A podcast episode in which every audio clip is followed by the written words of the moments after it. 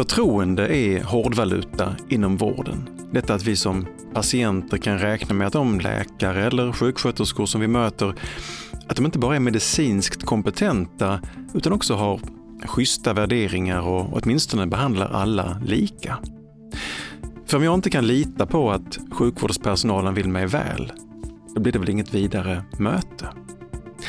Man kan önska att alla som jobbar i vården är bra och vettiga personer, men kan man begära att de ska ha några särskilda karaktärsdrag eller att deras etiska kompass ska vara sådär lite extra välkalibrerad?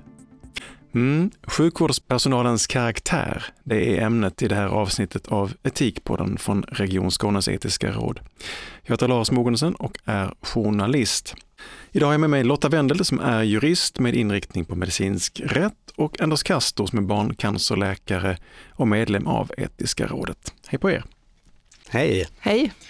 Um, karaktärsdrag ska vi prata om. Um, vad, är, vad är ett karaktärsdrag? Anders? Jag, kan, jag brukar tänka att karaktär eh, kan vara två lite olika saker. Karaktär kan vara någonting som beskriver en persons eh, distinkta personliga drag i hur de tänker och känner och agerar. Eh, eller deras varaktiga psykologiska dispositioner. Eh, det som fyller vår eh, person. Eh, men det kan vara också lite grann styrkan på detta, en människa som visar karaktär, som står upp, som eh, står upp mot ett grupptryck till exempel. Och det är två lite olika eh, betydelser då. Dels karaktärens innehåll mm. och dels styrkan på karaktär. Lotta, vill du fylla på? Ja, och, och, i det här sammanhanget så pratar vi väl närmast om god karaktär mm. för hälso och sjukvårdspersonal och då hänger det väl samman med att man ska ha bemöta patienterna professionellt och visa på ett empatiskt förhållningssätt gentemot patienterna. Men är det, är det en egenskap det här med karaktären eller är det en färdighet? Kan man lära sig någonting eller är det någonting man har i sig från början så att säga? Det, det är nog både och mm. tror jag. Eh, jag tror att karaktären är ganska svår att ändra på men att man kan träna, eh, träna den. Eh, och då behöver man ha en idé om vilken karaktär man vill ha. Mm. Ehm, eh, och så kan man fylla den med olika typer av innehåll. Eh, ska man gå på Aristoteles så, så är det en träning genom att bete sig så som man ska bete sig. Till slut blir det en vana och så blir det inbyggt i karaktären. Mm. Eh, sen dras vi väl alla med att vi vill vara vissa typer av personer och ibland fallerar vår karaktär eller den krackelerar. Mm. Mm. Jag undervisar ju mycket blivande hälso och sjukvårdspersonal och då försöker man ju visa på goda exempel eller genom att diskutera olika fall, olika möjliga sätt att förhålla sig på, vilket som är bättre och varför. Men varför mm. är det viktigt att eh, fundera över karaktär när det gäller just arbeten inom sjukvården oavsett om du tänker bli fysioterapeut eller, eller kirurg? Varför är det viktigt att tänka på karaktär? Man möter ju människor när de är som allra mest utsatta eh, och har, har de största behoven eh, som de visar och som man måste svara mot på något sätt. Och, och, i situationer när de inte alltid själv kan artikulera vad de vill eller känner eller hur de vill att deras integritet ska bemötas. Mm. Moraliska värden ställs ju ofta på sin spets i sjukvården, precis som, som Lotta säger. Eh, och vill vi ha en sjukvård som, som drivs av moraliska värden så antingen sätter vi upp en massa regler för hur det ska vara så får man följa de reglerna. Eller så förlitar vi oss på att de människor som jobbar i sjukvården har en karaktär eller har, har en, en personlig moral som rimmar med hur vi vill att sjukvården ska vara. Men kan man då som patient förvänta sig att, att människor jobb, som jobbar inom vården mm, liksom har några särskilda karaktärsdrag. Ska de vara liksom godare än genomsnittet av befolkningen eller mer empatiska på något sätt? Kan man begära det? Alltså, de flesta som jobbar inom hälso och sjukvården har ju legitimation och, och syftet med legitimationen är att vara ett garantibevis för att, att patienterna möter personer med god karaktär och då är det uttryckt som att det ska vara personer som är förtjänta av människors förtroende. Men vad det innebär i sig är ju inget som man får något stöd av i lagstiftningen. Det är ju en väldigt intressant fråga faktiskt. För att det är, jag tror vänder man på den lite så tänker jag att vad vårdyrkena faktiskt innehåller och vad som driver människor att söka ett vårdyrke och vilja arbeta i ett vårdyrke på något sätt antagligen selektera vilken typ av människor som faktiskt sen arbetar i vården. Att är du inte så nyfiken på andra människor eller du tycker det är jobbigt när andra människor mår dåligt och du behöver känna in i hur det är, mm. så kanske du inte väljer ett vårdyrke. Så på något sätt så, så kanske har vårdpersonal faktiskt en lite annan karaktär i den bemärkelsen än vad snittet av andra människor har. Mm. Men det vet jag inte om det är så. Nej, det återstår att fundera på. Men är det, är det formulerat i det som vi brukar kalla för läkaretiken eller sjuksköterskeetiken, att, att man ja, bör ha en speciell karaktär eller att man i alla fall ska undvika vissa karaktärsdrag? Jag skulle säga att de, de, de läkaretiska reglerna som finns och om man då håller sig till de moderna reglerna mm. som egentligen baserar sig på internationella regler som World Medical Association har satt upp eh, för läkare så är det mer en form av regler hur du ska bete dig. Inte regler hur du ska vara som person på insidan. Mm. Utan det är mer regler, så länge man beter sig som reglerna säger så är det, så är det bra. Och sen om du verkligen känner på det viset eller tycker så är sekundärt. Hur ser du Lotta som undervisar blivande, ja det gör du också Anders, men undervisar blivande sjuksköterskor och läkare? Ja, för sjuksköterskor läggs det väldigt stor vikt vid de här etiska dokumenten. Att de eh, nu är det inte precis jag som står i den delen av undervisningen, men jag märker att studenterna redan från första terminen på sjuksköterskeprogrammet konfronteras med de etiska dokumenten och det är en stor sak för de professionella organisationerna när, när de etiska dokumenten ska uppdateras och så. Men det konkreta innehållet skiljer sig nog inte så mycket åt från de läkaretiska dokumenten. Sen är det kanske en skillnad i hur etik undervisas på läkarprogram och sjuksköterskeprogram på det viset att eh, den etiska utbildningen på läkarprogrammen nog är mer principbaserad och teoribaserad. Medan eh, i sjuksköterskeutbildningen så har den en lite annan karaktär, att den är mer omsorgsinriktad och närhets och relationsinriktad.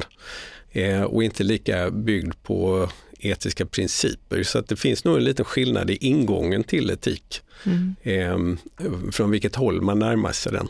Mm.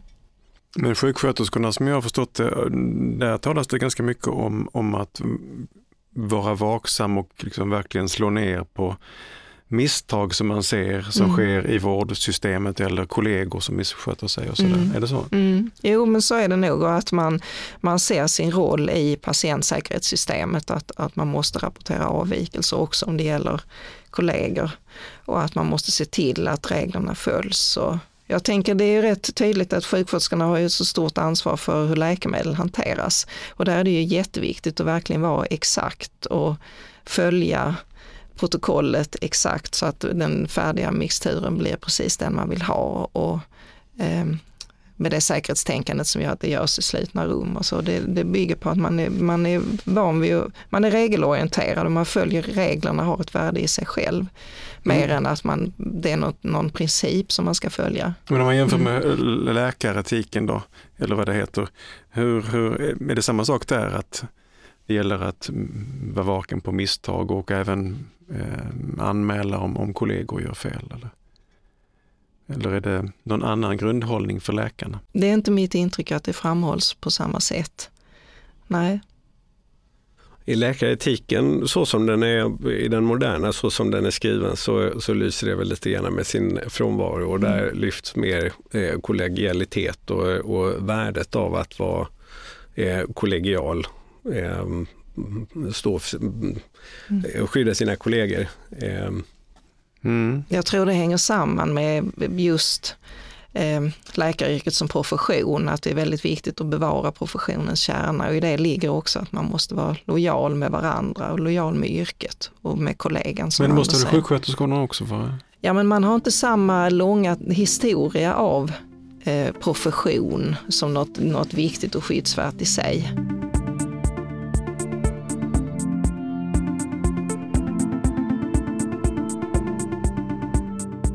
Det, det är som sagt ett gungfly det här lite grann med karaktär och karaktärsdrag och vad man kan förvänta sig av personalen inom vården. Men som jurist, eh, Lotta, har du tittat på en del olika eh, domar. Alltså vad händer om till exempel en vi har ett exempel med en psykolog, eller en person som vill utbilda sig till psykolog och gör väl det också. Men när han dömdes för han dömdes 15 år tidigare för mycket allvarliga brott i Norge. Mm. Det var rån och försök till dråp och så vidare. Och så stöter han på patrull då när han vill bli psykolog, berätta. Mm. Ja, det, det, det låg ju väldigt långt tillbaka i tiden och det var ju tydligt att, att den här personen levde ett, ett hårt liv under tiden brotten begicks.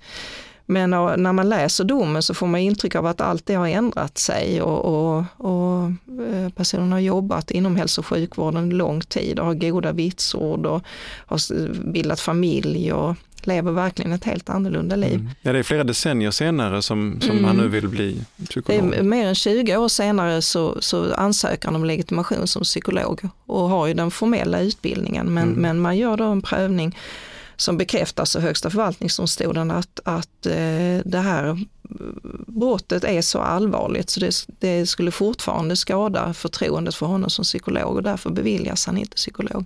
Och det blir ju konstigt för någonstans så har vi ju alla, vi måste ju alla få en möjlighet att bättra oss och sona våra eh, brott och så. Men inom hälso och sjukvården så säger i alla fall Högsta förvaltningsdomstolen att nej, där går förtroendet, där är förtroendet viktigare, vad, vad människor kan förvänta sig. Men det vittnar mm. på något vis om att eh, karaktär är så himla viktigt inom vården så att även mm. om du är juridiskt, det är rent, får du har suttit av ditt straff och så vidare och så vidare, så ligger det detta ändå kvar. Vad, vad tänker du om det Anders? Ja, det är ganska intressant om det, om det finns en underliggande tanke i att karaktären faktiskt är väldigt svår att ändra. Mm. Eh, har, du, har din karaktär varit av en art som har gjort att du har kunnat begå ett brott någon gång. Så även om du zonade så är det ju svårare att veta i vilken mån din karaktär då har ändrat sig så att du inte begår brottet en gång till. Om det finns en sån underliggande tanke i att eh, karaktären på något sätt är så grundmurad och svårföränderlig så att även om man ångrar sig så, så förhindrar det inte tendensen till att kunna göra samma sak en mm. gång till. Mm. Mm. Men det finns ju ett, ett, senare rättsfall från 22. Det här med psykologen är från 15 och där i det från 22 som gällde återkallelse av legitimation som receptarie.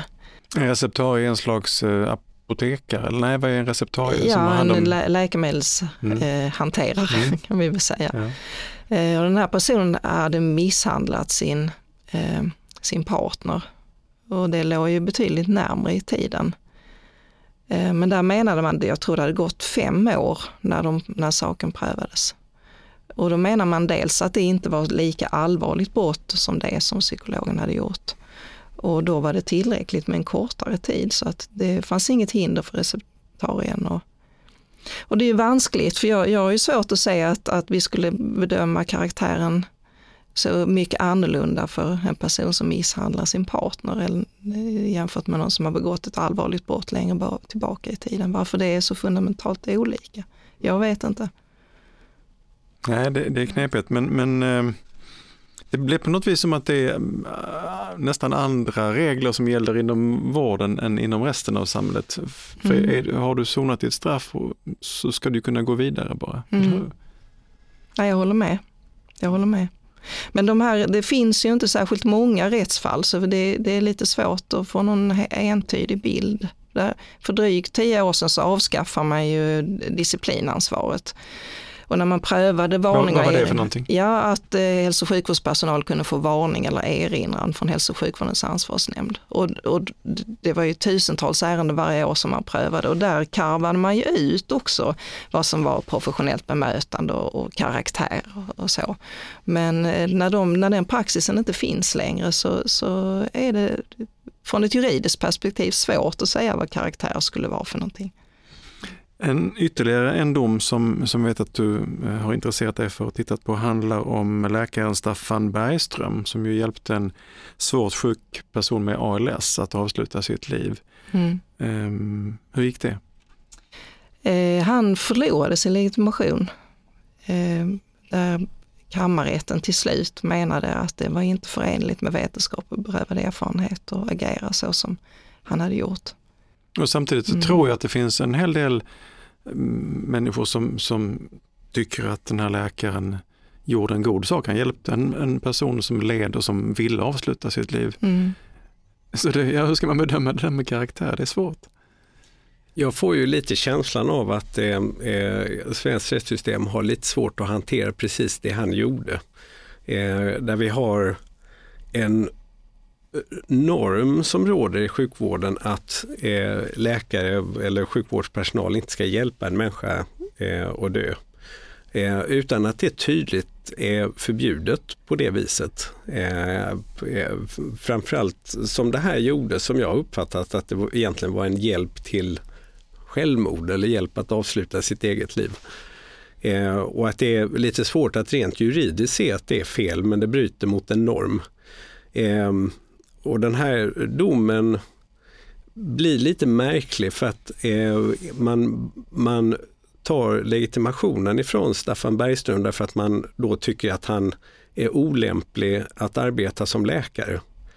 Eh, och där grunden för det eh, känns lite skakig, eh, bristen på vetenskapligt prövad erfarenhet när, när det han gjorde är tillåtet i ganska många länder eh, och ganska många länder i Europa eh, dessutom. Eh, och där finns både evidens och vetenskap för det han gjorde. Eh, men han bröt mot en norm. Mm. Eh, och på något sätt så blir det en plump i hans karaktär.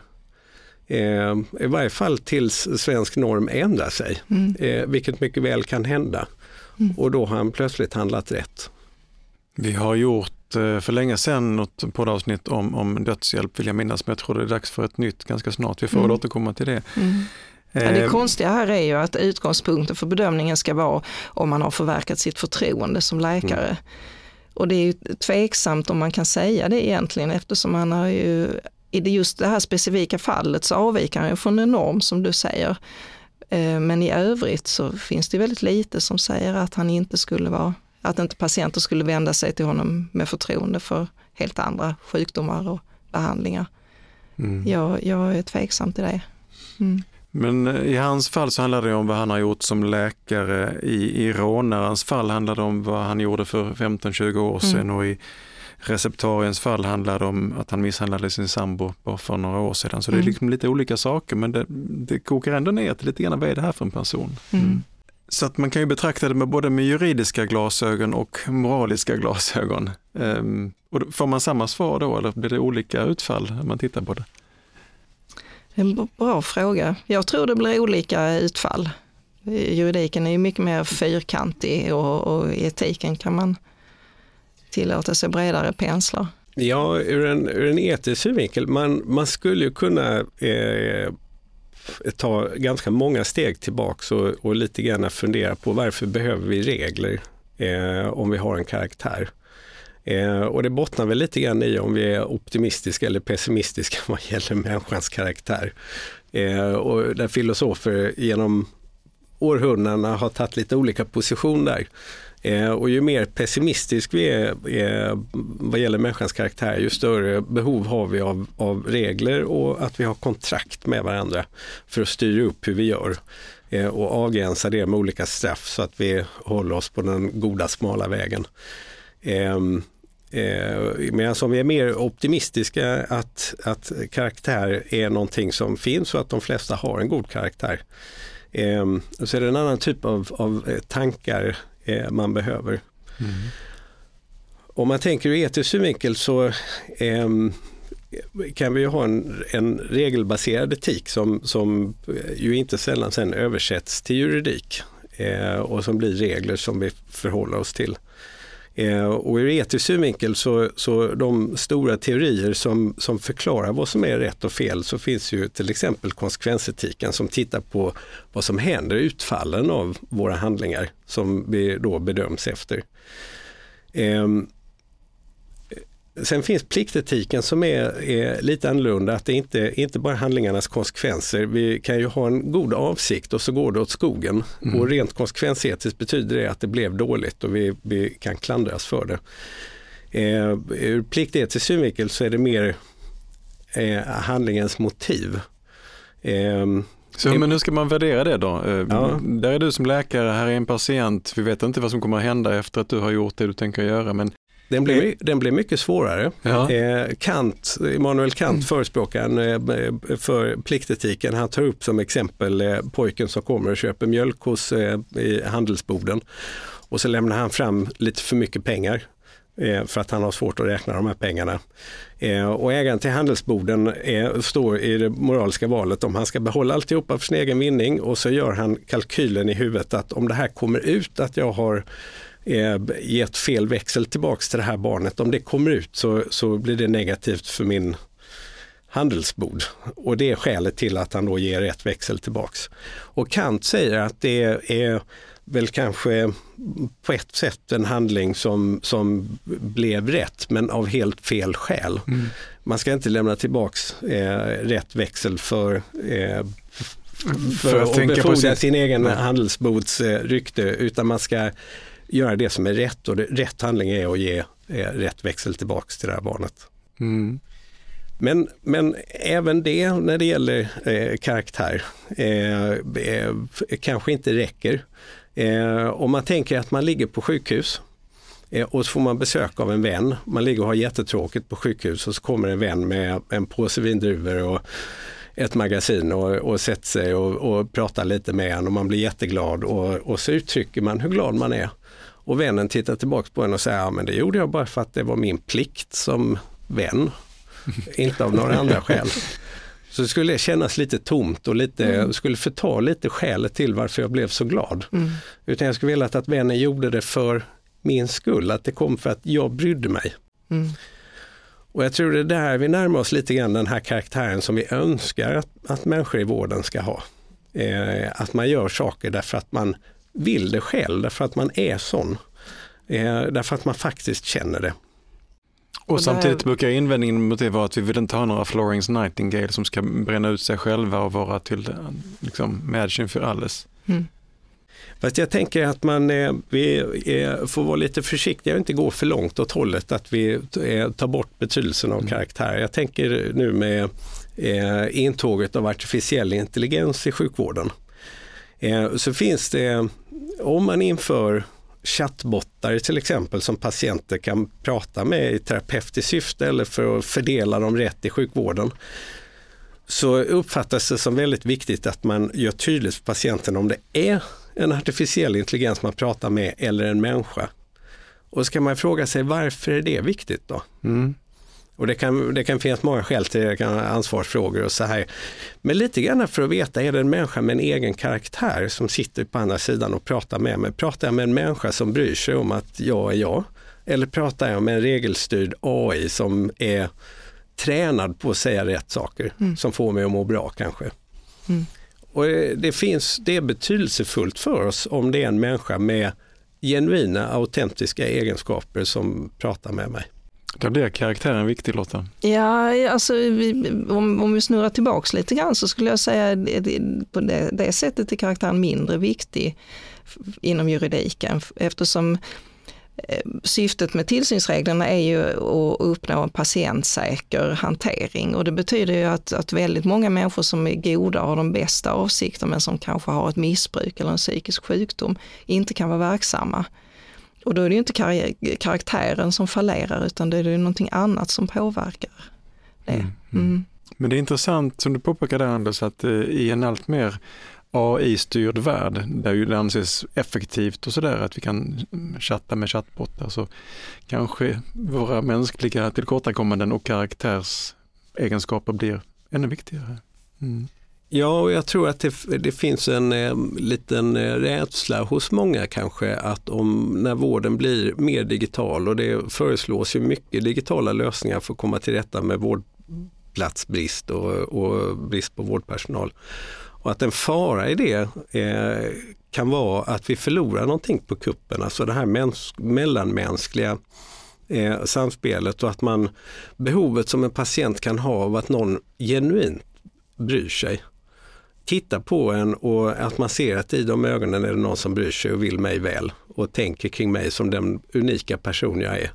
och att jag inte faller in i ett evidensbaserat algoritmtränat eh, tänk. jag, är inte så, jag är inte så säker på, på det. Nej. Jag hoppas att det är så men Eh, att, att människor är mer tveksamma till AI idag kan ju bero på att AI än så länge inte har det stora förtroendet som, som riktiga läkare och sjuksköterskor har. Att de kan vara felprogrammerade eller det kan bli något annat misstag. Men, men det är ju inte omöjligt att vi kommer att passera det. Att, att felmarginalen blir mindre och mindre för AI jämfört då med riktig personal. Mm. Och när det har hänt och det blir känt så kommer människor lika gärna att vilja ha en. Då undrar jag om man kommer värdesätta den bara känslan av att det finns en människa där så starkt så att man inte vill ha AI tjänster. Ja, den risken finns absolut. Mm. Eh, och frågan är om vi kommer att förstå vad det var vi förlorade sen mm. när vi står på andra sidan. Det får vi se i framtiden när vi pratar med AI-chattbottar, om de kan efterlikna mänskliga karaktärsdrag eller hur vi uppfattar dem. Jättespännande. Tack så mycket eh, Lotta Wendel som är jurist med inriktning på medicinsk rätt och Anders Kastor som är barncancerläkare och sitter som medlem i Etiska rådet. Utöver Etikpodden arrangerar Etiska rådet seminarier och kurser av olika slag. Mer information om verksamheten finns på hemsidan. Har du några frågor, synpunkter eller önskemål om kommande avsnitt så skriv ett mejl till etiskaradet Tack för att du lyssnade.